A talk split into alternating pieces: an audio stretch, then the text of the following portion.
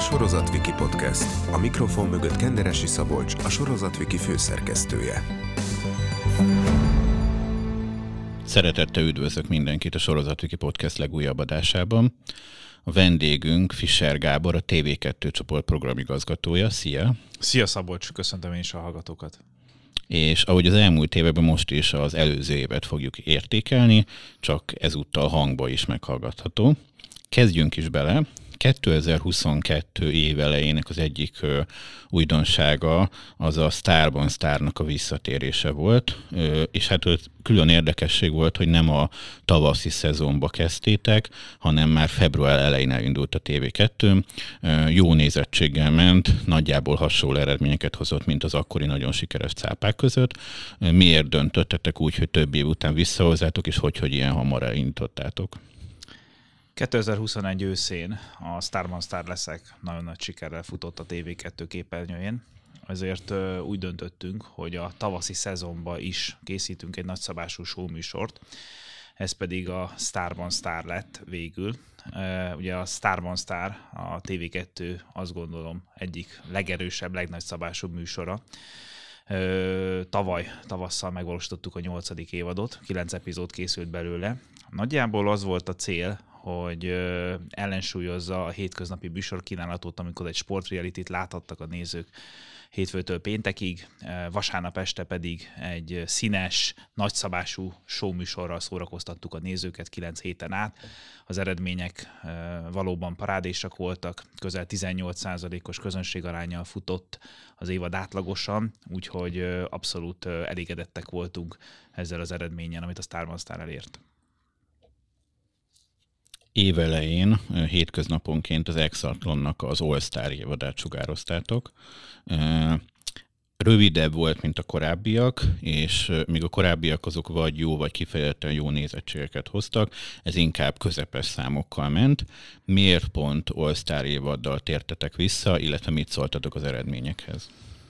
Azt, hogy a műsor közepes lett volna, azt maximum te gondolod, Szabolcs, mert ugye az idősávját a 70 rész megnyerte, 12,1 az nem egy rossz eredmény.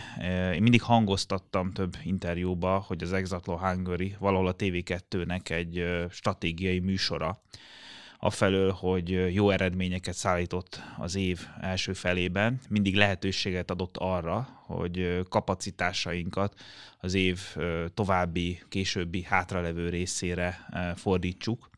Így volt ez tavaly is. Az elmúlt években ért minket kritika, hogy egy picit hosszú az évad, egészségesebb hosszúság, ez egy picit rövidebb lenne.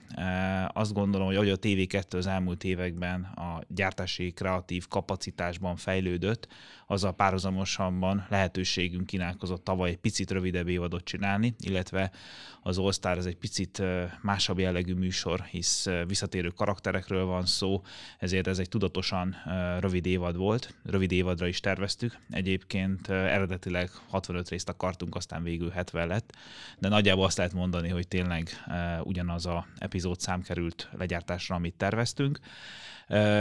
Ez persze egy nagyon fontos időszak volt, azon túl, hogy jó eredményeket szállított, lehetőséget adott nekünk, hogy közben párhuzamosan nagyon sok műsor készüljön az év további részére. Erről majd úgyis később még beszélünk. A műsor Azért lett All mert a jogtulajdonos, az Ajun Media is meggyőzött minket arról, hogy elérkezett az idő, hogy felépültek ezek a karakterek, a karaktereket közben láttuk más tévéműsorban, Farmban, Dancing with the Stars-ban feltűnni, és arról beszélgettünk velük, hogy előbb-utóbb ezek a karakterek mind a bajnak, mind a kihívó csapatban kvázi sportlegendákká válnak, és az emberek jobban kíváncsiak a visszatérő sport legendára, mint éppen új karaktert megismerni. Úgyhogy úgy döntöttünk, hogy mivel volt a műsorban tartalmi oldalon, műsorvezetői pozícióban való változás, ezért a tavalyi évben egy Exatlon all koronázzuk meg az elmúlt három évet. Én azt gondolom, hogy a műsor beváltotta a hozzáfűzött reményeket, úgyhogy mi elégedettek vagyunk az Exatlon tavalyi szereplésével. Én azt gondolom, hogy egy All-Star évad az egy kiemelt évad, ahogy te is utaltál rá. Mi az oka akkor, hogy mégis kevesebben nézték, mint a korábbi évadokat? Valóban számszerűleg kevesebben nézték. Egyfelől az Exatlon, amikor 2019-ben indult, vizualitásában, tematikájában, játékmenetében, lokációban elképesztő kuriózumnak számított a piacon. Azért teltek az évek, nagyon-nagyon-nagyon sok epizód került sugárzásra. Picit azt hiszem, hogy veszítette a dolog az exkluzivitásából, az újszerűségéből, illetve az elmúlt években azért a magyar piacon jellemző egy erőteljes fragmentáció. Valójában minden műsor, vagy nagyon sok műsor az évek múlásával kevesebbet hoz. Nem akarok példákat mondani, de vannak olyan tévéműsorok, nem feltétlen nálunk, amit közel éppen, hogy fel annyian néznek, mint két-három évvel ezelőtt. Nem biztos, hogy attól az a műsor nem sikeres, más a piac. A cél az, hogy az adott sávot megnyert, vagy a lehető legjobb eredményt érd el, és az egész éves eredményekre koncentrálja.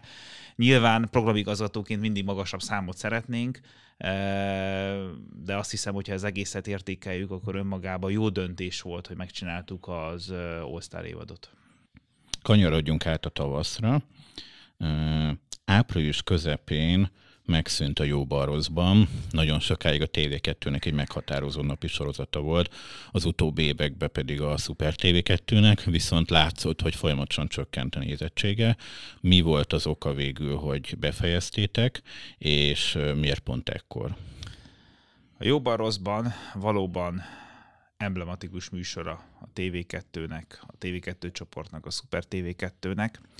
Ugye korábban a TV2 főműsor idejében bizonyos időszakokban még piacvezető is volt, korábbi időszakok vezetői döntése értelmében átkerült először a premierje a Super TV2-re, az azt gondolom, hogy pici negatív hatással bírt a nagy csatornás eredményekre. Később 2016-ban kábel disztribúciós stratégiai okokból áttettük az egész sorozatot a Super TV2-re. Közben felépült egy új TV2, változott a piac, valójában a versenytársunk is egy teljesen eltérő, megújult főműsoridős kínálattal szolgálta a nézői igényeket ki. Változott a világ, megjelentek a fikciók, nálunk felerősödtek az új típusú szórakoztató műsorok, és azt gondolom, hogy ebben a megváltozott helyzetben mi sokáig küzdöttünk egy évvel a megszűnés előtt kapott a produkció egy új gyártót, ugye a Covid utáni időszakban, hogy minél hamarabb el tudjuk indítani, de be kellett látni, hogy a piac ma Magyarországon a végtelen hosszúságú fikciókat tekintve idejét múltá vált amikor egy műsor megszűnik, az nagyon szomorú, mert rengeteg ember nagyon hosszú ideig dolgozik rajta, egyfajta emblematikus lenyomata a csatornának vagy a csatornacsoportnak, de ha végtelenségig folytatod, akkor nem tudsz új produkciókat létrehozni. És akkor mi azt mondtuk, hogy két út van, vagy marad a jobban rosszban, és ezáltal a Super TV2-re fordítható lehetőségek limitáltak maradnak, Gyakorlatilag hogy, azt jelenti, hogy csak erre költeni. Gyakorlatilag azt jelenti pontosan. Tehát az egész évi költségvetést felemészti a jóban rosszban gyártásra, ami hiába volt már a végére nagyon költséghatékony az új típusú fikciókkal szemben, de nem adott lehetőséget, nem maradtak további forrásaink új produkciók kipróbálására, és évről évre jártunk a különböző nemzetközi rendezvényekre, azt mondtuk, hogy de ezt is, de érdekes lenne kipróbálni, azt is, de jó lenne kipróbálni, elindultunk a költségvetésnek a fázisáig, majd végül nem tudtuk a műsort megrendelni, hisz nem maradt rá lehetőség. Akkor úgy döntöttük, egyébként már a döntés pillanatában nézegettünk formátumokat, hogy inkább nyissunk a nagyobb tömegek felé, párhuzamban a jóban rosszban lehetőséget adott, hogy tavaly ősszel egy 55 részes Dominikai Köztársaságban készült Money or Love című hétköznapesti reality le tudjunk gyártani, illetve különböző időszakokban halatortán is készül. Ezeket a produktumokat például halatortán nagyon jól lehet ismételgetni. Van nekünk ugye főzős csatornánk, de a Super tv 2 is szeretik a nézők.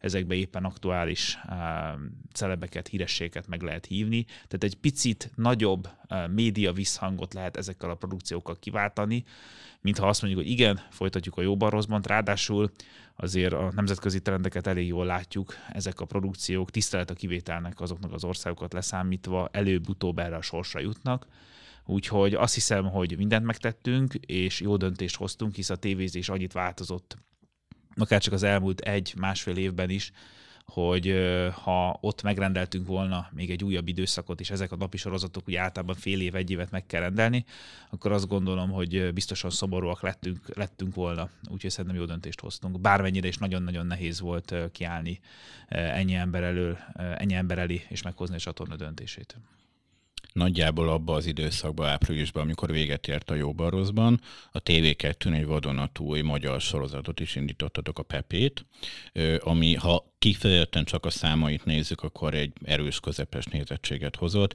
viszont abba a sábba az RTL-nek az ukrán sorozatát folyamatosan nyerte, és ha megnézzük a tavaszi összehasonlításokat, akkor fikciós téren is jól teljesített. Mit szóltatok az eredményekhez, illetve mit vártatok ettől a sorozattól? Kritikus vagy a számokkal Szabolcs, mert az erős, közepes eredmények, miközben a versenytársnál 50%-kal többet hozunk vasárnap este, nálam a jó kategóriába esnek. Igaz, olyan vagy, mint egy jó főnök, hogy mindig lehet jobban csinálni.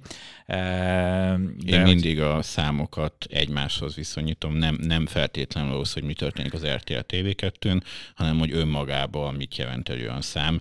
Te is nagyon jól tudod, hogy lehet olyan időszak, amikor két nagyon sikeres műsor megy egyszerre, meg lehet olyan időszak, hogy két gyenge műsor megy egyszerre. Ez igaz, ez egy újságírói feladat, nekünk meg üzletileg kell egy csatornára olyan produktumokat gyártani, hogy az adott időszakban lehető legtöbb GRP-t hozzák be. Szerintem a vasárnap este másrészt annyian néznek, mint a konkurens sorozatát, amit nagy média visszhang vált ki, hogy milyen trendi, milyen menő dolog, hogy ez Magyarországra érkezett, akkor az szerintem jó eredmény. De komolyra fordítva a szót, Ugye ez a fikció, ez egy érdekes kérdés a TV2 házatáján. Nem titok, hogy különböző okok miatt voltunk, vagyunk bizonyos lépés hátrányba versenytársal szembe. Hál' Istennek most az iparági változás inkább nekünk kedvez ebbe a hátránynak a ledolgozásába, hogy ez miként fordul az előnyünkre, de a lényeg az, hogy már hosszú időre akartunk egy, azt gondolom, színvonalas heti sorozatot a képernyőre tűzni, bő egy-másfél évvel ezelőtt meg is találtuk az eredeti spanyol eh, Pepesbárt, eh, és végül tavasszal a képernyőre került. Szerintem jól fogadták a nézők, eh, azt gondolom, hogy üde színfoltja volt annak a line annak a műsorkínálatnak, amivel a nézőket tavaly tavasszal vártuk, és hát ugye azt szokták mondani, hogy a csatorna sok mindent tud kommunikálni, Ugye általában valami nem megy jól, akkor azt mondják, legalább online jól megy, de amikor valamiből megrendelik a második évadot, abban biztos, hogy a tévé elégedett volt, és hát eh, mi ott viszonylag gyorsan el is döntöttük és kommunikáltuk is, pontosan azért, mert nyáron le akartuk forgatni, hogy uh, idén uh, tavasszal érkezni fog a Pepének a második évada, úgyhogy örülök, hogy végül úgy döntöttünk, hogy megcsináljuk a magyar adaptációját ennek a sorozatnak. Szerencsekeréknek a második évad a következett az Exatlon Hungary után. Közepes nézettséggel indult, a végére egyre jobb számokat hozott, és hát talán még sikeresebb volt, mint az első évad. Ugye egy pár héten keresztül adtátok a tavaszban. Mit gondoltok ezekről az eredményekről? Ugye egy évvel korábban, 2021 nyarán, késő nyarán került képernyőre a szerencsekerék. Szerintem a magyar televíziós piac meglepődött, hogy milyen sikeres lett eh, az új adaptáció, ennek rengeteg eleme van, szerintem sikerült egy eh, megfelelő műsorvezetőt találni, illetve ez a párosítás, hogy egy celeb két civil versenyzik, ez azt gondolom kellően érdekes, eh, és egy jó hangulatú tévéműsor született. Egy perc is volt kérdés, hogy folytatjuk. A szerencsekeréket, hogyha kicsit mélyebben tanulmányozzuk, akkor minden alkalommal uh, igényel egy pici felfutást, amíg összegyűjti a nézőket. Ugye az előtte uh, sugárzott uh, tévéműsor, az egy uh, merőben másabb tévéműsor volt, másabb közönség. Ilyenkor ez a TV2 esetében rendszeresen megfigyeljük, hogy kell pár nap, akár egy vagy két hét is, hogy összeszedje a más korcsoportba tartozó nézőket de e, ugye bíztunk a műsorban, e, több részt is gyártottunk már, e, nem akartunk többet adni, hisz valójában e, képernyőn akartuk tartani a formátumot, e, tudtuk azt, hogy később, mint ahogy most ez a képernyőn látható, hosszabb ideig is lesz a képernyőn, és ugye az elmúlt években az volt a tv 2 a tapasztalat, jött egy game show, e, vagy akár Magyarországon. E, ugye mi, én, többiekkel együtt hittünk ebbe, hogy meg lehet ennek a kultúráját teremteni, ezek ilyen 4-5-6 hétig tartó gamesok voltak az elmúlt években. A szerencsekerékbe éreztük a potenciált, és itt tudatos volt, hogy visszahozunk tavasszal egy rövidebb évadra. Ugye akkor tudtuk már, hogy visszatér évvégén, illetve az idei esztendőben folytatódik, és szerettük volna a nézőket ehhez jobban hozzászoktatni, hogy ne maradjanak akkora időszakot a szerencsekerék nélkül. Összességében meg szerintem abszolút egy jó átvezetés volt az Exatlon nézőközönsége és a Drágámatok nézőközönsége közönsége között, úgyhogy mi ezt a négy hetet sikernek éltük meg. Április és június vége között ment a Dr. Balatonnak a harmadik évada. Nem kezdett jól, és gyakorlatilag egy-két hét alatt be is dőlt. Nem is rendeltétek meg a folytatást. Ezt hogyan láttad, vagy mit láttál itt okoknak? A napi fikció az egy nagyon nehéz téma. Ha jól megy, az élet legnagyobb ajándéka, ha nem megy jól, akkor nagyon-nagyon nehéz helyzetbe teszi a csatornát. Ugye a nézettségi adat az egy szám, de mögötte nézők vannak, emberek, szokásokkal, életvitellel, és én abban hiszek, hogy lehet, hogy egy döntéssel egyik napról a másikra lehet eredményt javítani, de okozunk a nézőkbe egy olyan érzést, hogy nem adnak esélyt újabb produkcióknak, hisz az nem egy pozitív cselekedet, hogyha éppen egy műsort nem is sokan néznek, de az a limitáltabb közönség azt érzi, hogy a tévé állandóan módosít, és nincs esélyük a sorozatnak a folytatására. Én azt gondolom, hogy szerintem a múltban sok ilyen TV2-s hibás döntés is volt, illetve bizonyos napszakokban más tévéken is lehet látni, hogy lehet ugyanolyan külföldi sorozatokat vásárolni, egész egyszerűen a nézettségük töredék miénknek. Emögött az van, hogy nincs elég türelem, nincs elég uh, kapacitás beletéve a nézői lojalitás felépítésébe, ezért uh, mi őszintén megmondom, hezitáltunk, hogy folytatjuk-e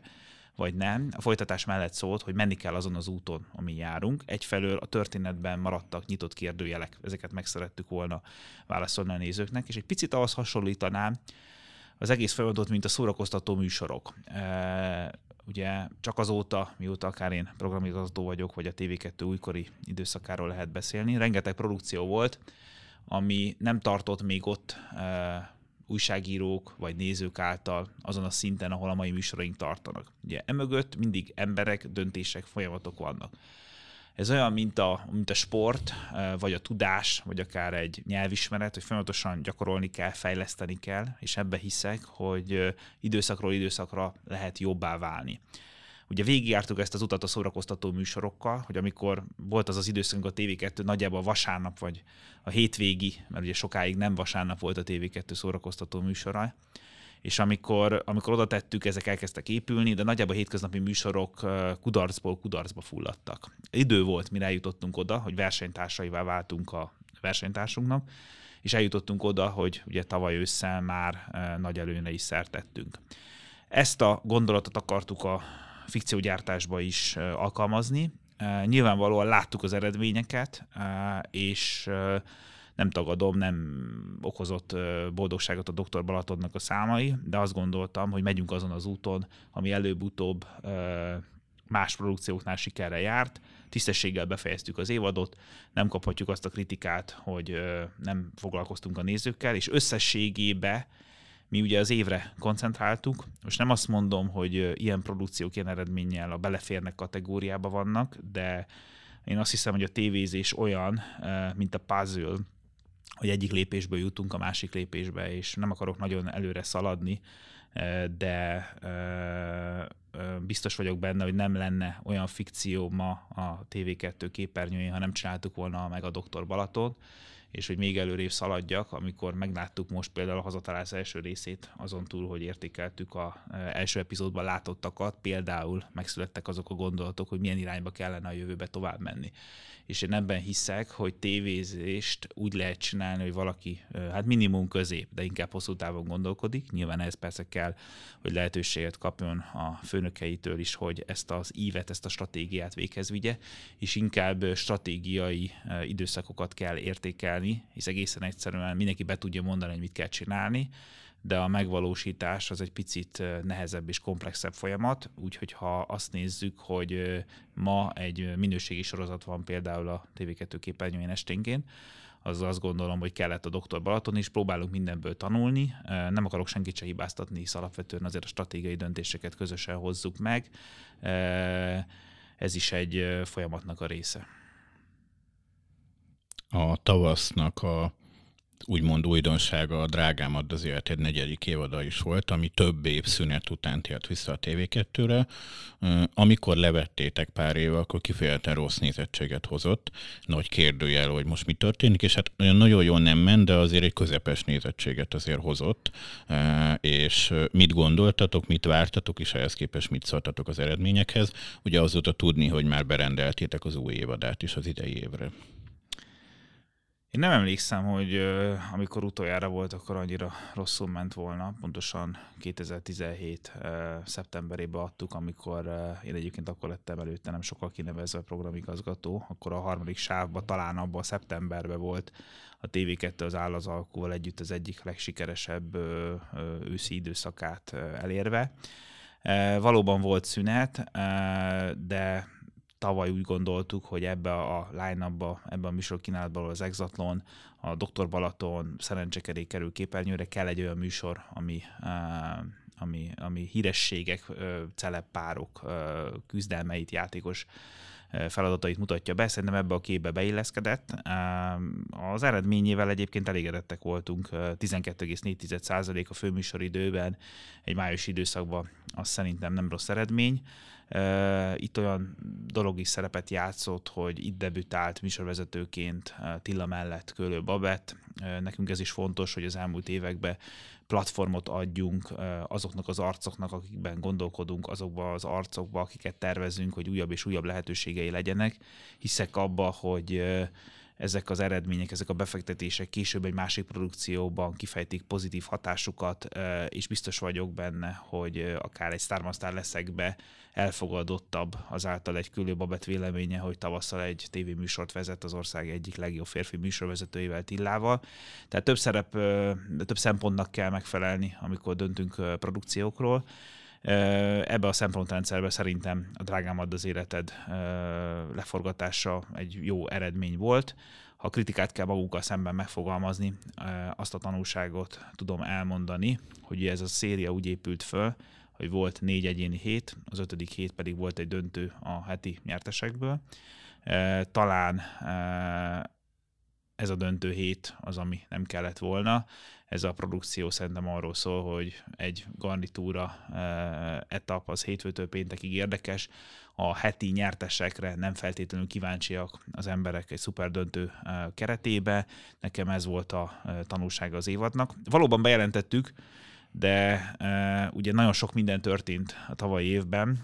Számítottunk, hogy ősszel erősebbek leszünk, e, hisz beért az a gondolat, amit én évek óta ugye próbáltam. Ezt, azt hiszem októberben a Big Picture-ra Igen, októberben be. jelentettük be, ugye akkor ott már megvoltak a döntések. Én biztam benne, hogy az ősz jól sikerül. Egy ideig, én mindenkinek mondogattam, egy ideig ezzel egyedül voltam, aztán egyre többen voltak, akik ezt megpróbálták elhinni, hogy hát ha ez tényleg bekövetkezik. Szóval én számítottam, hogy jó lesz az ősz, nyilván jobbra sikerült, mint gondoltuk, majd erről gondolom később beszélünk, de a lényegében az, hogy mi ott nagyon sok döntést hoztunk újratervezést illetően, bár bejelentettük a Big Picture-ről, de végül nem készítjük el idén a Drágámad az életed új évadát, egész egyszerűen azért fogva, mert rövid távon nem ez az érdekünk. Nagyjából látjuk, hogy mivel megy a versenytárs, jelenleg nagyon sikeres a szerencsekerék, ezért mi úgy döntöttünk, hogy azt kell adni, amire a nézőknek igénye van. Úgyhogy már néhány napja megy a felhívó de érkezik még idén tavasszal az újabb évad a, szerencsekeréknek, úgyhogy valóban azt tudom mondani, a szerencsekerék messze beváltja minden hozzáfűzött reményünket, és idén már jóval több rész lesz a képernyőn belőle, mint azt eredetileg gondoltuk. Az is van mögött, hogy bizonyos műsorokat pihentetünk, plusz abszolút nem lenne értelme megszakítani azt, amire most a nézőknek óriási igénye van estéről estére. De szerintem ez így is van jó, pont ez a lényege a tévézésnek, hogy egyfelől hosszú távon tervezünk, másfelől pedig, ha változik a helyzet, akkor abszolút forgatni kell. A szerencsekeréknél akkor gondolom ezekben a hetekben véget ér a harmadik évad, és utána jön nem sokára akkor a negyedik. Tehát pontosan véget ér a mostani évad, és néhány hét múlva megkezdődik az új évadnak a forgatása, és közeljövőben még ezt az évadot a nézők már láthatják is. Kanyarodjunk át a nyárra két saját gyártású műsorotok volt. A Pénz vagy éveketnek a harmadik évad, ami szintén egy visszatérő műsor volt, ez július és augusztus közepe között ment, illetve a Város VS Vidék első évada, ami augusztus közepétől szeptember elejéig ment. Mind a kettő gyengébb nézettségadatokkal került képernyőre. Miért döntöttetek emellett, és mit szóltatok az eredményekhez? Ugye nyár az azért nem a legfrekventáltabb, nem a legkiemeltebb időszak a kereskedelmi tévé életében. Hosszú éveken át hegyi doktorok, török sorozatok, ismétlések, még szegényebb időkben humorkoktélok voltak a képernyőn. Tavaly úgy döntöttünk egyébként, hogy ez nem így lesz, Uh, amely tévéműsor oda készült, az a City versus Country. Egyébként ezt nem nagyon mondtuk el máshol, hogy valójában a pénzt vagy éveket az eredetileg nem a TV2-re készült, hanem ezt őszre szántuk a Super TV2-re. Uh-huh. Mhm. Csak uh, tavasszal úgy alakultak a dolgok, hogy ahhoz, hogy a Money or Love meg tudjon valósulni, ugye gazdaságosság és racionalitás okán 55 részt kellett készítenünk belőle, ezért ott felhasználtuk a Super TV2-re szánt pénzügyi keretet, és amikor még voltak üres sávok a TV2-n, akkor úgy döntöttünk, hogy az elmúlt években jól ment ez a formátum, egy kora nyár elejé, vagy inkább nyár közepi idősávba képernyőre tesszük, nem váltotta meg a világot, bőven azt gondolom, hogy túlforgattuk ezt a formátumot, eléggé erős karakterorientáltság van ebben a műsorban, 9,9%-ot hozott. Azt hiszem, hogy ez volt az az évad, amikor tudtuk, hogy egy ideig biztos nem tér vissza a műsor, de nagyobb drámával azért nem éltük meg. Ugye utána beszéljünk kicsit pár mondatot a City versus Country-ról. Ezt a formátumot már egy ideje nézzük. Egyes külföldi országokban elég jó eredményekkel került képernyőre. De volt egy ennél is fontosabb szempont, mindig azt mondtam előbb is neked, hogy összetetten kell nézni a dolgokat. Ugye van nekünk egy farmunk, amiben ott van Gáspár Zsolti, ami szerintem sokakat meglepett, hogy végül ő lett a Nemcsák Zsuzsa mellett a gazda vagy társműsorvezető, és abban gondolkodtunk, hogyha van egy ennyire ráillő karakter, egy olyan műsort illetően, ami még abban az évben össze-vissza is térek, egy picit ilyen cross-promóció jelleggel készítettük a műsort. Ugye Tilla egyértelmű, hogy a városiaknak egyik jelképe, hát Gáspár Zsolti meg a vidékieknek egyfajta jelképe. Tehát egy picit azt gondolom, hogy megkezdődött vele a cross promo, és ha megnézzük, hogy november-decemberben a farma milyen eredményeket értünk el, akkor azt gondolom inkább így kell nézni. Hisz ha van egy nyár, amikor nincs nagy média visszhang, éppen nem indul egy platform, éppen nem indít senki semmit, és akár csak outdoorokon, vagy egyéb kommunikációs felületeken túl azt látják a nézők, hogy a karakter Gáspár Zsolt, mint gazda, egy tévéműsorban van Tillával, ami szintén azért azt gondolom, hogy egy elismert magyar műsorvezető, az felfelé pozícionálja Zsoltit, illetve tovább népszerűsíti a farmot, hisz rengeteg utalás volt a tévéműsorban. A műsor egyébként szerintem korrektül helytált, senki nem várta tőle, hogy egy stúdióban játszódó, főként vízkérdés az világ megváltó lesz. Az eredményei is valójában olyanok, hogy nem feltétlenül kell folytatni, de lehetnek olyan gazdasági helyzetek, vagy olyan racionalitás, amikor mi magunk is úgy döntjük, hogy mivel megvan a díszlet, alapvetően még akár vissza is térhet a műsor. Ez egyébként viszonylag ritka, vagy a műsorok egy részeiről a hogy is mondjam, a sugárzás után egyből tudod, hogy soha nem tér vissza. A másikról pedig, hogy alig várat, hogy visszatérjen. A City versus Country szerintem pont középen van, majd az élet eldönti, hogy később visszatére vagy nem. Térjünk is át az őszre. Mm, rögtön az időszak elején a Starban Starleszek harmadik évadával kezdtetek, ami összességében is az elején is nagyon sikeres műsor lett hogyha épp a napokban jelent meg a sorozatvikin a tavalyi évnek a top listája, az egyiken második, a har- másikon pedig harmadik legnézettebb műsor volt az évben, illetve hogyha az összeredményeket nézzük, akkor is ugyanolyan jól hozott, mint amit említettük, hogy a szintén a második évad is ugye remek számokat hozott. Mit szóltatok hozzá, illetve miért volt az, hogy így ennyire az őszelején indult? Ahogy említettem, még az Exaton kapcsán, már akkor nagyon komoly, ambiciózus tervekkel voltunk az őszi szezonra. A cél az volt, hogy ahogy kezdődik az ősz, egyből berobbanjunk. Visszatért a ország egyik legnézettebb rendje, legnézettebb tévéműsora. Egy nagyon összeszokott zsűri négyessel, akik bizonyítottak, akiket közben egyébként más tévéműsorokban is, ahogy említettem, előbb építettünk. A formátumot az emberek szeretik, elképesztően szórakoztatóra sikerült az új évad, szerintem tényleg parádés volt. Nagyon nagy ritkaság, hogy egy műsor ebben a nehéz magyar médiapiacon még javítani tud a korábbi eredményekhez képest. Az átlag azért egy 22% volt, ami vasárnap este, főleg az, hogy az RTL szintén egy nagyobb tévéműsort adott ellene, gyakorlatilag torony magasan nyertünk nagyon nagy öröm, hogy ilyen formátummal rendelkezünk, amelyet a nézők tényleg ennyire szeretnek, és valóban ez egyik gerincét alkotta a TV2 őszi programstratégiájának, programstruktúrájának szeptember elejétől majdnem karácsonyig elképesztő sikerekkel futott vasárnap esténként. Nyilván ez lehetőséget adott, hogy itt különböző összen induló tévéműsorokat cross-promo jelleggel bemutassunk, ez is tudatos volt. Tehát erre akartuk felfűzni az őszt, úgyhogy szerintem jó döntés volt, és hát az volt a legjobb visszaigazolás, hogy mind online-ban, mind tévében elképesztően futott az idei, vagy az előző évad is, úgyhogy én örülök, hogy megvalósítottuk. Az ősz egyik újdonsága a Manny Orlávnak az első évada volt, amit már említettél, hogy érkezett a Super TV2-re. Mondtad is, hogy miért valósulhatott meg, vagy miért volt ilyen hosszú. Összességében viszont kábeles szinten inkább ilyen közepes nézettséget hozott. Ti mit vártatok, és mit gondolsz erről? Itt megint a közepes szóra reagálnék először, hogy mi ezt abszolút nem így éltük meg. Ugye először is annyi, hogy a Super TV 2-nek a legfőbb versenytársa az RTL 2, ennél mi tavaly egész napban ugye a kereskedelmi kategóriában jobbat értünk el.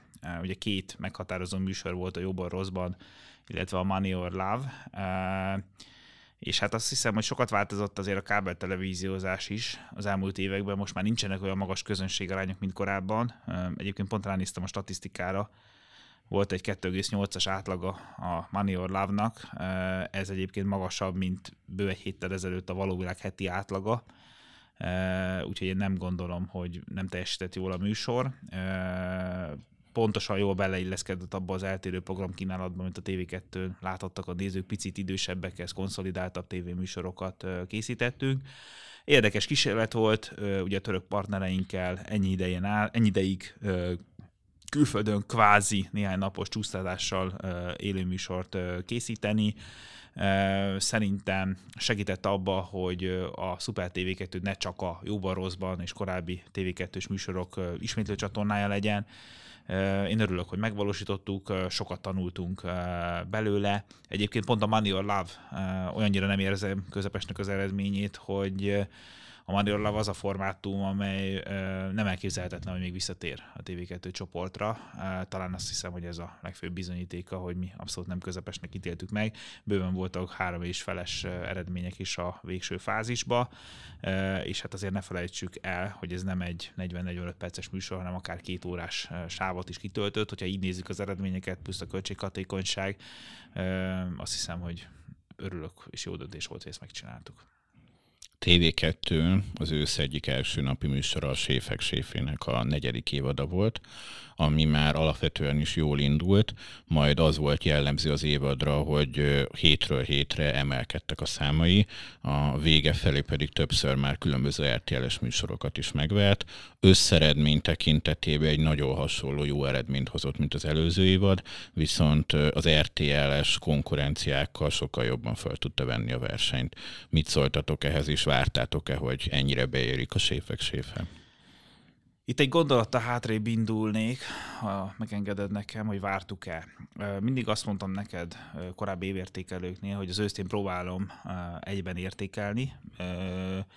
Mindig voltak olyan részek, amelyeknek a teljesítményét meg kellett magyarázni, voltak olyan részek, ahol a teljesítmény egyértelmű volt. Ugye emögött az volt, hogy az ősz a brandek csatája. Tehát egy picit másabb jellegű tévéműsorokat akarnak a nézők látni, vagy a reality, vagy a game show, vagy nagyjából látjuk, mi a tavaszi kínálat a két csatorna, vagy a hosszú távú fikciók. Mindig mondtam neked, hogy fel kell építeni azt az őszt, amikor nekünk is legyen már olyan kínálatunk, amivel lehet versenyezni. Az elmúlt évek alatt szépen jöttek a formátumok, séfek séfe, Ázsia Express fal. Sok gazdasági, vagy éppen egészségügyi, itt gondolok a Covid-ra nehézségek miatt, szerencsétlenek voltunk, hisz nem tudtuk azt az évet megcsinálni, amikor valójában minden olyan biztosnak tűnő tévéműsor képernyőre kerüljön, amivel labdába lehet rugni. Valamelyik mindig elmaradt. Valamelyik mindig elmaradt. Vagy a Covid miatt nem lehetett utazni, vagy más gyártási folyamatban volt még a séfek séfe, és egész egyszerűen nem tudtuk éven belül képernyőre tenni. Kipróbáltunk új paper formatokat, ötleteket, mindegyiknek meg volt az oka. Kipróbáltunk olyan formátumokat, nem azért, mert azt gondoltuk, hogy az váltja meg a világot, hanem éppen ott, abban az időszakban a TV2 ott tartott, és ki kellett próbálni műsorokat, kettő-hármat, azzal a cél, hogy hát ha egy brandé tud válni.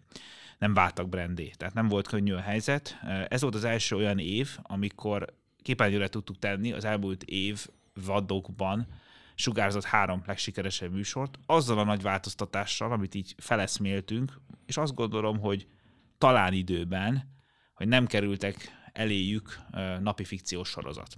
Hisz, hogyha az elmúlt évek kínálatát nézzük, mindig mondtam, hogy pici hátrányban voltunk, ott volt egy fikció, ilyen-olyan eredménnyel. A TV2 pedig, hogyha valami nem indul meg a tények plusz utáni sávba, hát akkor nagyon nehéz helyzetben vagyunk. A tavalyi évre az volt a stratégia, hogy abszolút szórakoztató műsorokkal támadunk, azzal jövünk, ezáltal ezek a műsorok korábbi idősába kerülnek. Sokszor ért minket az a kritika, hogy nézném a Séfek Séfét, nézném a Ázsia Express-t, de már 9 óra, negyed tízkor kezdődik, fél tízkor kezdődik, hisz ugye ráadásul azt a helyzetet még az is fokozta, ugye, hogy nem tudom, hogy a hallgatók ezt mennyire tudják, hogy valójában eh, ahhoz, hogy eh, a kötelezettségeit kiszolgált reklámoldalról, hogyha sikertelen vagy, akkor egyre több reklámot kell sugározni, hisz ugye meghatározott GRP-t kell szállítani, ha meg sikeres vagy, akkor ö, be tudod zárni a brékeket, hisz egy adott blogban több ö, különböző nézőt érsz el, és nem kell annyit sugározni. Tehát ez egy picit olyan, hogy ha szerencséd van, akkor egyre jobb tudsz lenni, ha meg nem működik a tévéműsor, akkor valójában az alulteljesítés miatt egyre rosszabb leszel. Tehát ez volt a stratégia, hogy akkor nem támadunk fikcióval, jönnek a szórakoztató műsorok korán, és hát ezekkel is kezdtek működni.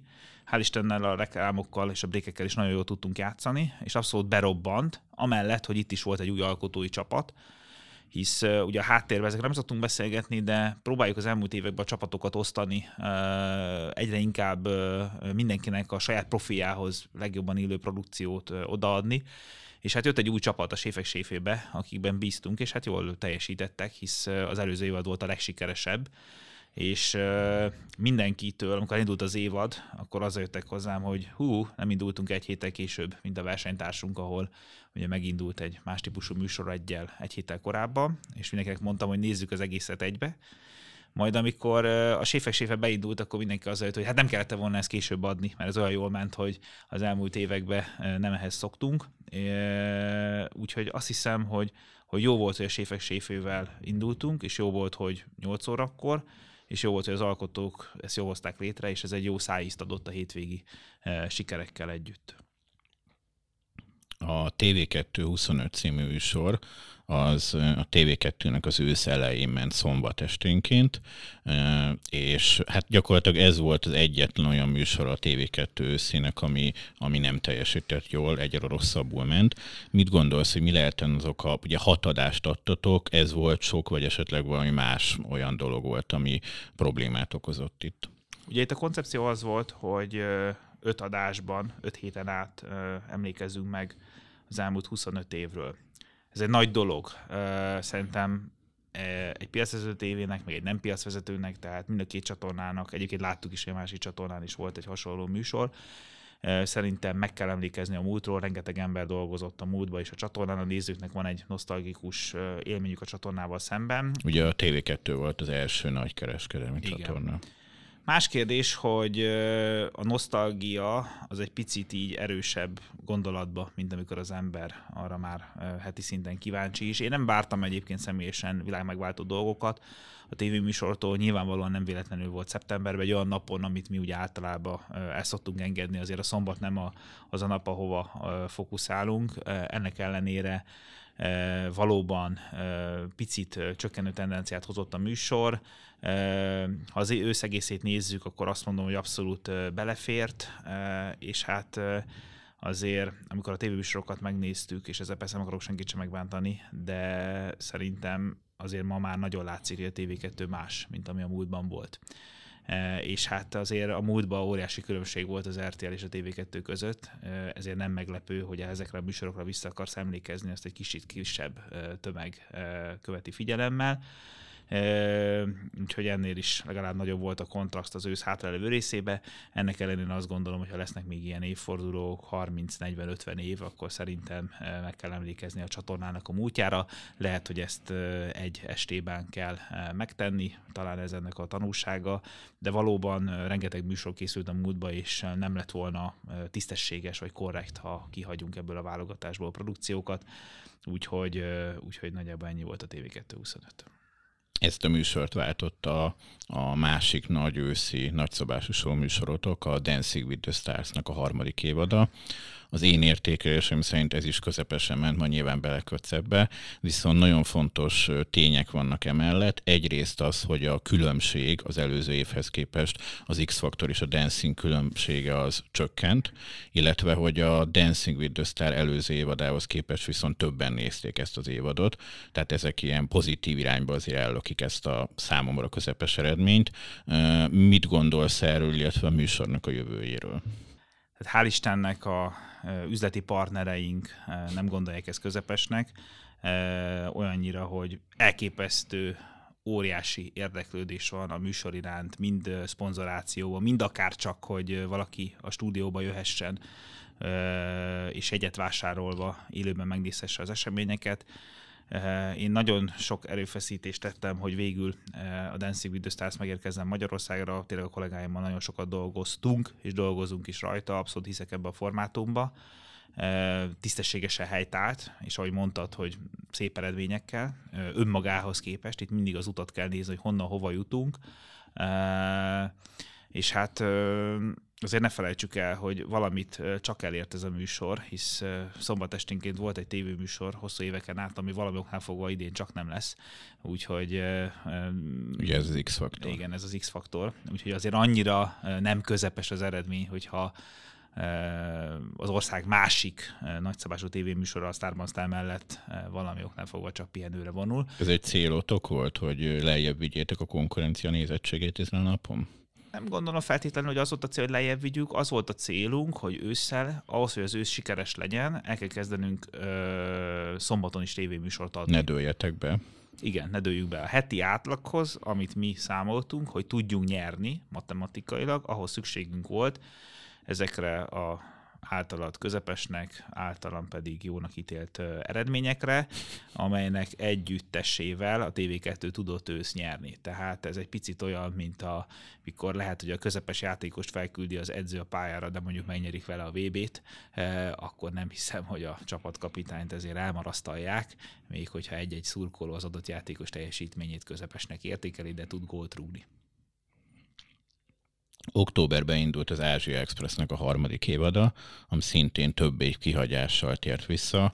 November, november közepéig minden hétköznap képernyőn volt, és hát minden várakozás felülmülő számokat hozott, 20% fölötti közönségarányokat, és hát nagyon régen mondható volt, hogy én nem is emlékszem mikor olyan, hogy a legsikeresebb hétköznapi műsora a televíziózásnak egy TV2-s napi műsor volt, és nem RTL-es, és ezen kívül pedig folyamatosan nyerni tudott, de gyakorlatilag amit el lehet várni egy hétköznapi műsortól, ott mindenhol felül teljesített számítottatok-e ilyen számokra, és mit gondolsz, hogy mi az oka annak, hogy ennyivel többen nézték, mint korábban? Ha itt konkrét számokat nézek, akkor közel 50%-kal emelkedett a nézettsége az előző szintén sikeres évadhoz képest. A Asia Express-t az utolsó pillanatban fújtuk le, még a Covid kitörésekor, és nagyon sokáig bizonytalan volt, hogy mikor is tudjuk ezt a tévéműsort megvalósítani. Hát fájt a szívünk, mert korábban is elégedettek voltunk a számaival, aztán végül tavaly, május-júniusban tudtuk megvalósítani ezt az évadot, ami ősszel nagy sikerrel képernyőre került. Szerintem több ok van a sikerbe. Egyfelől az alkotók elképesztően megtanulták ezt a formátumot. Nagyon jól sikerült a casting, hisz próbáltuk az összes potenciális TV2 nézőt lefedni, plusz azokat, akik nem TV2 nézők, plusz nem tévénézők. Tehát összességében mindenkihez szóltunk. Egy nagyon vicces, jó hangulatú évad volt. Szerencsénk volt a lokációval, hisz nagyon sok embernek tetszett. Jordánia elképesztően látványos képileg merőben másabb, mint a korábbi évadok, ahol picit a smog, vagy a köd, vagy a rosszabb időjárásban nem volt annyira vonzó képileg, mint amikor influencerek kistáskával a sivatagba szaladgálnak, vagy akár nagy platós kocsin győzike keresi a feleségét, és hát sorolhatnám a többieket. Úgyhogy szerintem minden közre játszott abba, hogy sikeres tud lenni. Az is, hogy az emberek nem utazgattak, kevesebb ilyen típusú műsor volt, tehát nem összességében minden a helyére került, és hát előbb visszatérve a Séfek Séfer, amikor mindenki azt mondta, hogy jól indult az évad, hogy nagyon nehéz lesz folytatni, akkor, akkor, akkor sikerült folytatni, és akkor ezek voltak azok a jelek, amikor már egy picit kezdtünk optimistán, bizakodva tekinteni, hisz ahogy említetted, ez pont az őszkelős közepén volt, és általában itt voltak olyan produkciók a múltban, amelyek azért hát azokra én is azt mondom, hogy közepes vagy nem jó eredményekkel mentek, úgyhogy a kontraszt az nagy volt a korábbi évadokhoz képest, és akkor már látszott, hogy kommunikálni lehet nagyon nagy különbséget az elmúlt évekhez képest. Úgyhogy abszolút, abszolút egy sikertörténet, és valóban azért 20% körüli feletti eredmények ebben a piacon ilyen fragmentált, és egy ilyen nehéz ellenfél szembe, és hát ne felejtsük el, hogy az azért ott is nagyon nagy költségvetésből készülő komoly brendek voltak a csatornán. Úgyhogy például abszolút, a Celeb vagyok. Például a Celeb vagyok, ami szintén hosszú évek után tért vissza. Szintén külföldről. Szintén külföldről, de nem ilyen jó eredményekkel. Úgyhogy azt hiszem, hogy, hogy jó döntés volt, hogy az Ázsia Express került tavaly a Séfek Séfe után középre az őszi struktúrába. Ugye a címe az, hogy Ázsia Express, páron felvetették, hogy fú, hát az évad már nem ott ment, pedig ha megnézzük földrajzilag, akkor egyértelműen az a térség még Ázsiához tartozik. Most viszont ugye átmentek a Észak-Amerika, Közép-Amerika körzetébe, ugye például Mexikóba fogtok forgatni, hogy jött, hogy Amerikába átmentek, és mi lesz a továbbiakban a műsornak a címe? Ugye a gyártó céggel elég komoly, szoros kapcsolatban vagyunk. Folyamatosan tanulmányoztuk az elmúlt években azokat az útvonalakat, ahol meg lehet valósítani egy újabb szériát. Különböző opciók voltak. Merőben akartunk egy picit másabbat csinálni, mint amit az elmúlt években csináltunk, illetve az is számít, hogy más országok, ahol sikerrel sugározzák ezt az évadot, például Románia, merre mennek, milyen útvonalak készülnek, és egy ideje egyébként már nézegettük ezt a mexikói útvonalat. Alapvetően a szempont szerintem az is számított, hogy Jordánia képi exotikuma jó hatással volt a nézettséggel, és azt gondolom, hogy Mexikó is az az ország a magyar nézőknek, ahol, amiről úgy álmodoznak. Nem csak azért, mert rengeteg mexikói sorozaton nevelkedett az ország, hanem eléggé exotikus, kuriózum, az embereket valójában mozgatja, hogy milyen Mexikó, Hát ősszel majd láthatják a TV2 képernyőjén, hogy milyen is a mexikói Ázsia Express. Igen, ahogy említetted, ez azért most már abszolút nem Ázsiában fog forogni, ezért új címre is van szükség, de szerettük volna megtartani az eredeti bendet, és így az új cím, Ázsia Express, felfedezzük Amerikát. Ezzel a műsorral várjuk a TV2 nézőit össze. Egy másik fontos műsorotok a párharcnak az első évada volt. Október közepe és novemberi időszakban ment a második sávban. Az elején eléggé gyengén indult, aztán folyamatosan növelte a nézettségét, összességében talán ilyen közepes számokat hozott. Mit gondolsz róla, és, és mikor várható a folytatás? Ugye az elmúlt években a TV2 elkezdett elég ö, aktív lenni a környező országok médiapiacán. Á, ugye van egy csatornánk Szlovéniába, tanulmányoztunk más országokat is. Itt fegyeztünk fel egy formátumot Szerbiába, ezért döntöttünk úgy, hogy megcsináljuk a párharcot. Egyébként én itt az indulás közepesnek mondanám, és utána szerintem ö, ö, jó kategóriát ért el, egészen egyszerűen azért, mert ö, ez egy nagyon erős ellenféllel, ugye a celeb vagyok Menchkinnel ment ki jó részt. Szerintem az eredményei ö, közel 12 százalék az abszolút jó, főleg úgy jó, hogyha összehasonlítjuk, hogy a elmúlt években akár egy Fuss család Fuss, vagy bármilyen hasonló tévéműsor azért ennek a felét se tudta, és ugye az egész média, szerintem a versenytársunk is azt várta, hogy amikor már a celeb vagyok képernyő lesz, akkor addigra mindenki elfelejti a, a séfek séfének a jól menő eredményeit, és az RTL visszaszerzi azt a óriási hegemóniát, amivel uralta az elmúlt húsz évben a piacot, de mivel nem így lett, ezért én elégedett vagyok a párharccal, Ugye mondjuk el, hogy pont az ellenkező a történet, tehát az ősz elején még a séfek séfe idején egy kicsivel, de vezetett az RTL. Valójában ott álltak jól, és, igen. És igen, és utána meg ugye már nem tudott továbbian vezetni, erről majd később majd fogunk még beszélni. Igen, tehát szerintem ezért a párharc az Ázsia express a legnehezebb időszakban, a legnehezebb ellenfellel valójában a, Cele vagyok Menskinnen azért vitatatlanul egy elképesztően erős brand volt annak idején, és most visszatért a két eredeti műsorvezető is. Azért azt gondolom, hogy ezzel a kombinációval szemben elérni egy vezető pozíciót ebbe az időszakba az, az nagyon nagy eredmény. És olyannyira elégedettek voltunk, hogy egyből úgy döntöttünk, hogy a műsor 2023-ban is folytatódik, méghozzá nem is egy, hanem két évaddal tér vissza a párharc idén tavasszal a TV2 képernyőjére. Ennek egész egyszerűen annyi oka volt, hogy egy évad rövidebb lesz, így egyszerűbb logisztikailag azt gondolom, hogy reality szempontból erősebb évadot forgatni, hogy az adott sztárparoknak nem kell olyan hosszú időre távol lenni a valódi életüktől, a családjuktól, úgyhogy két évaddal is visszatér Stól Andrással idén tavasszal a párharc. Hogy tudjátok ilyenkor azt megoldani, hogy egy nyáron szabadba lett rengeteg minden felvéve, ezt hogy tudjátok kiváltani ilyenkor? Nagyon jó kreatív szakembereink vannak, és egy izgalmas lokációt találtunk, ahol már készül a műsornak a látvány és díszletelemei, néhány héten belül pedig te is meg tudsz Szabolcs nézni a képernyőn. Szintén egy fontos műsorotok volt a Nagy Ő, ami nagyon jó nézettséggel jelentkezett, több mint 30%-kal többen nézték, mint az előző évadot, és, és hát a késő esti sábba elképesztő nézettségeket tudott hozni. Mit gondolsz, hogy mi volt ennek az oka? Ugye a nagy hosszabb szünet után 2021-ben tért vissza a TV2 képernyőjére. Azt láttuk az elmúlt években, amire azt gondolom a Covid is csak segített, hogy az embereknek van érdeklődése társkereső formátumokra. A The Bachelor azért a világ egyik legsikeresebb formátuma ebben a műfajban.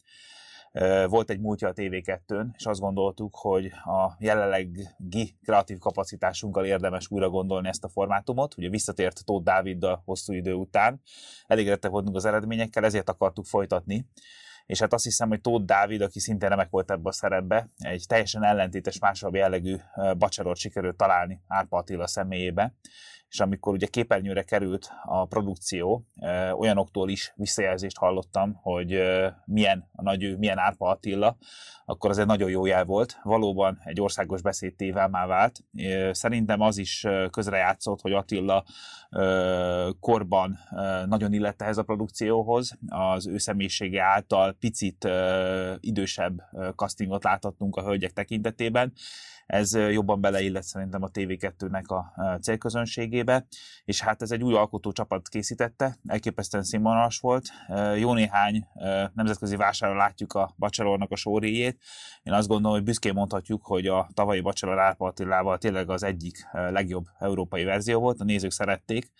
Úgyhogy nem is volt kérdés, hogy jövőre is jön, és hát azt gondolom, hogy Tóth Dávid Árpa Attila után most egy újabb, picit eltérő, másabb karaktert fogunk látni Jákob Zoli személyében, egy valódi milliárdost, úgyhogy bízom benne, hogy idén ősszel is nagyon fogja foglalkoztatni embereket majd a formátum a szerencsekerék új évaddal jelentkezett a karácsony előtti hetekben, és egy érdekesség volt, hogy a késő esti sávba ment, aminél az a jellemző, hogy gamesoknál nem szokott működni, mégis nagyon jó nézettséget hozott, és nyerte a sávját.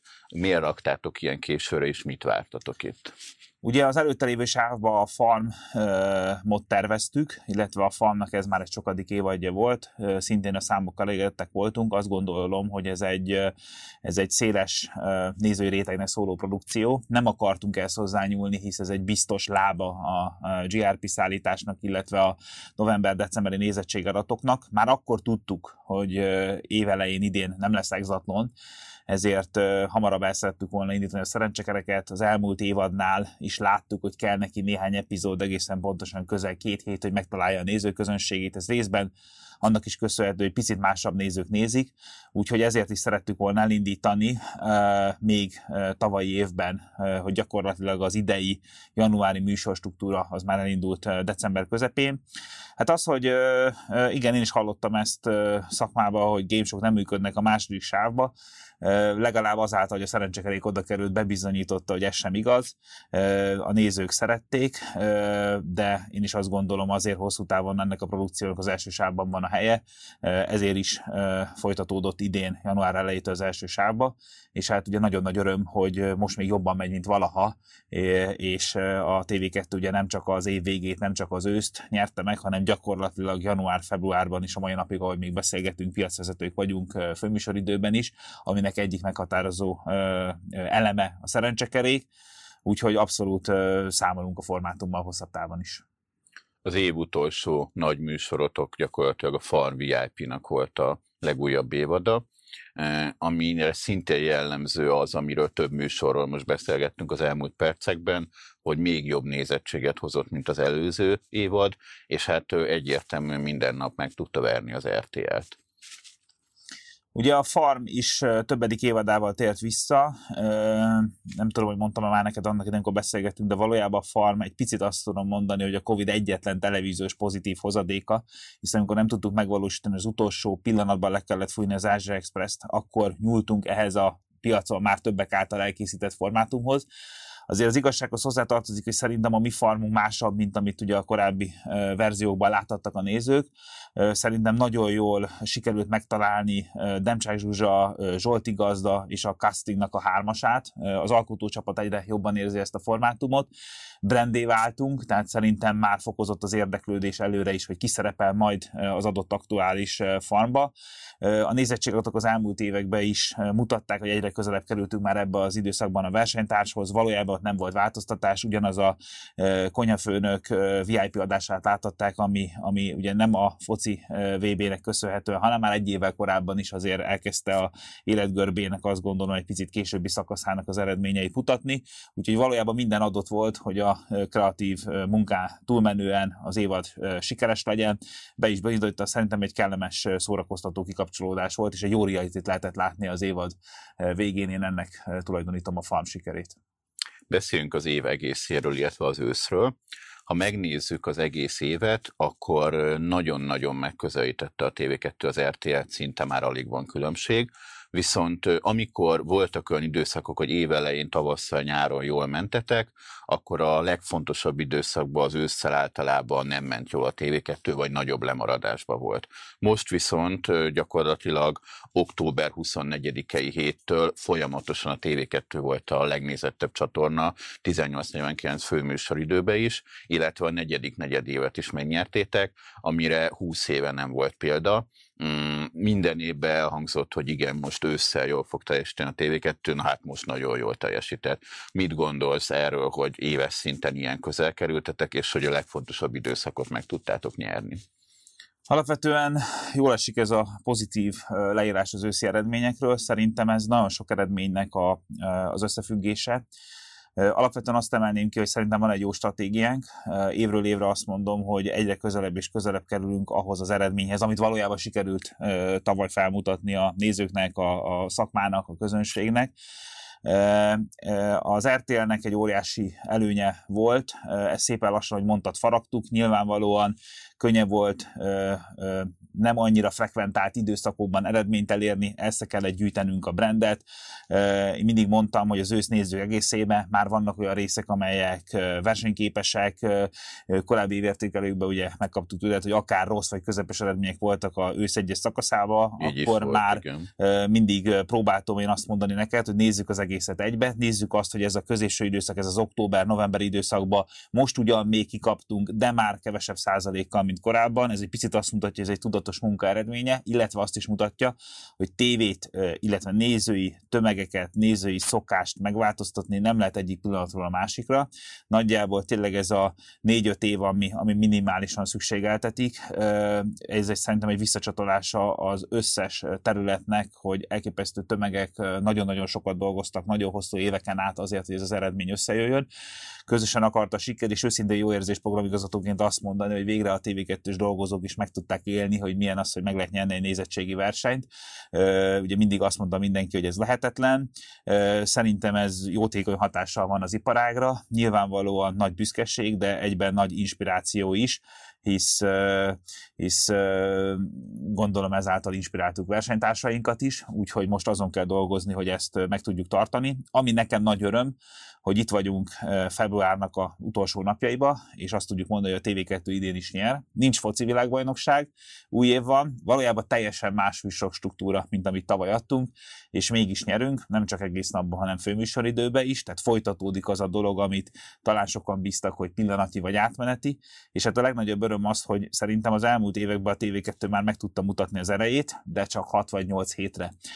És az, hogy most már húzamosabb ideig tudunk elsők lenni, ez, ez tényleg inspiráló rengeteg tartalom van előkészületbe, most azokra kell fókuszálni, hogy amikor a most futó szerencsekerék kifut, és helyette jönnek az új produkció, vagy akár a visszatérő brendek, a nézők ne csalódjanak, továbbra is izgalmas tartalmat lássanak jó castinggal, és hát a tévéműsorok megfelelő jó helyre legyenek pozícionálva, úgyhogy most ezen dolgozunk, hogy minél tovább fent tudjon maradni ez az állapot.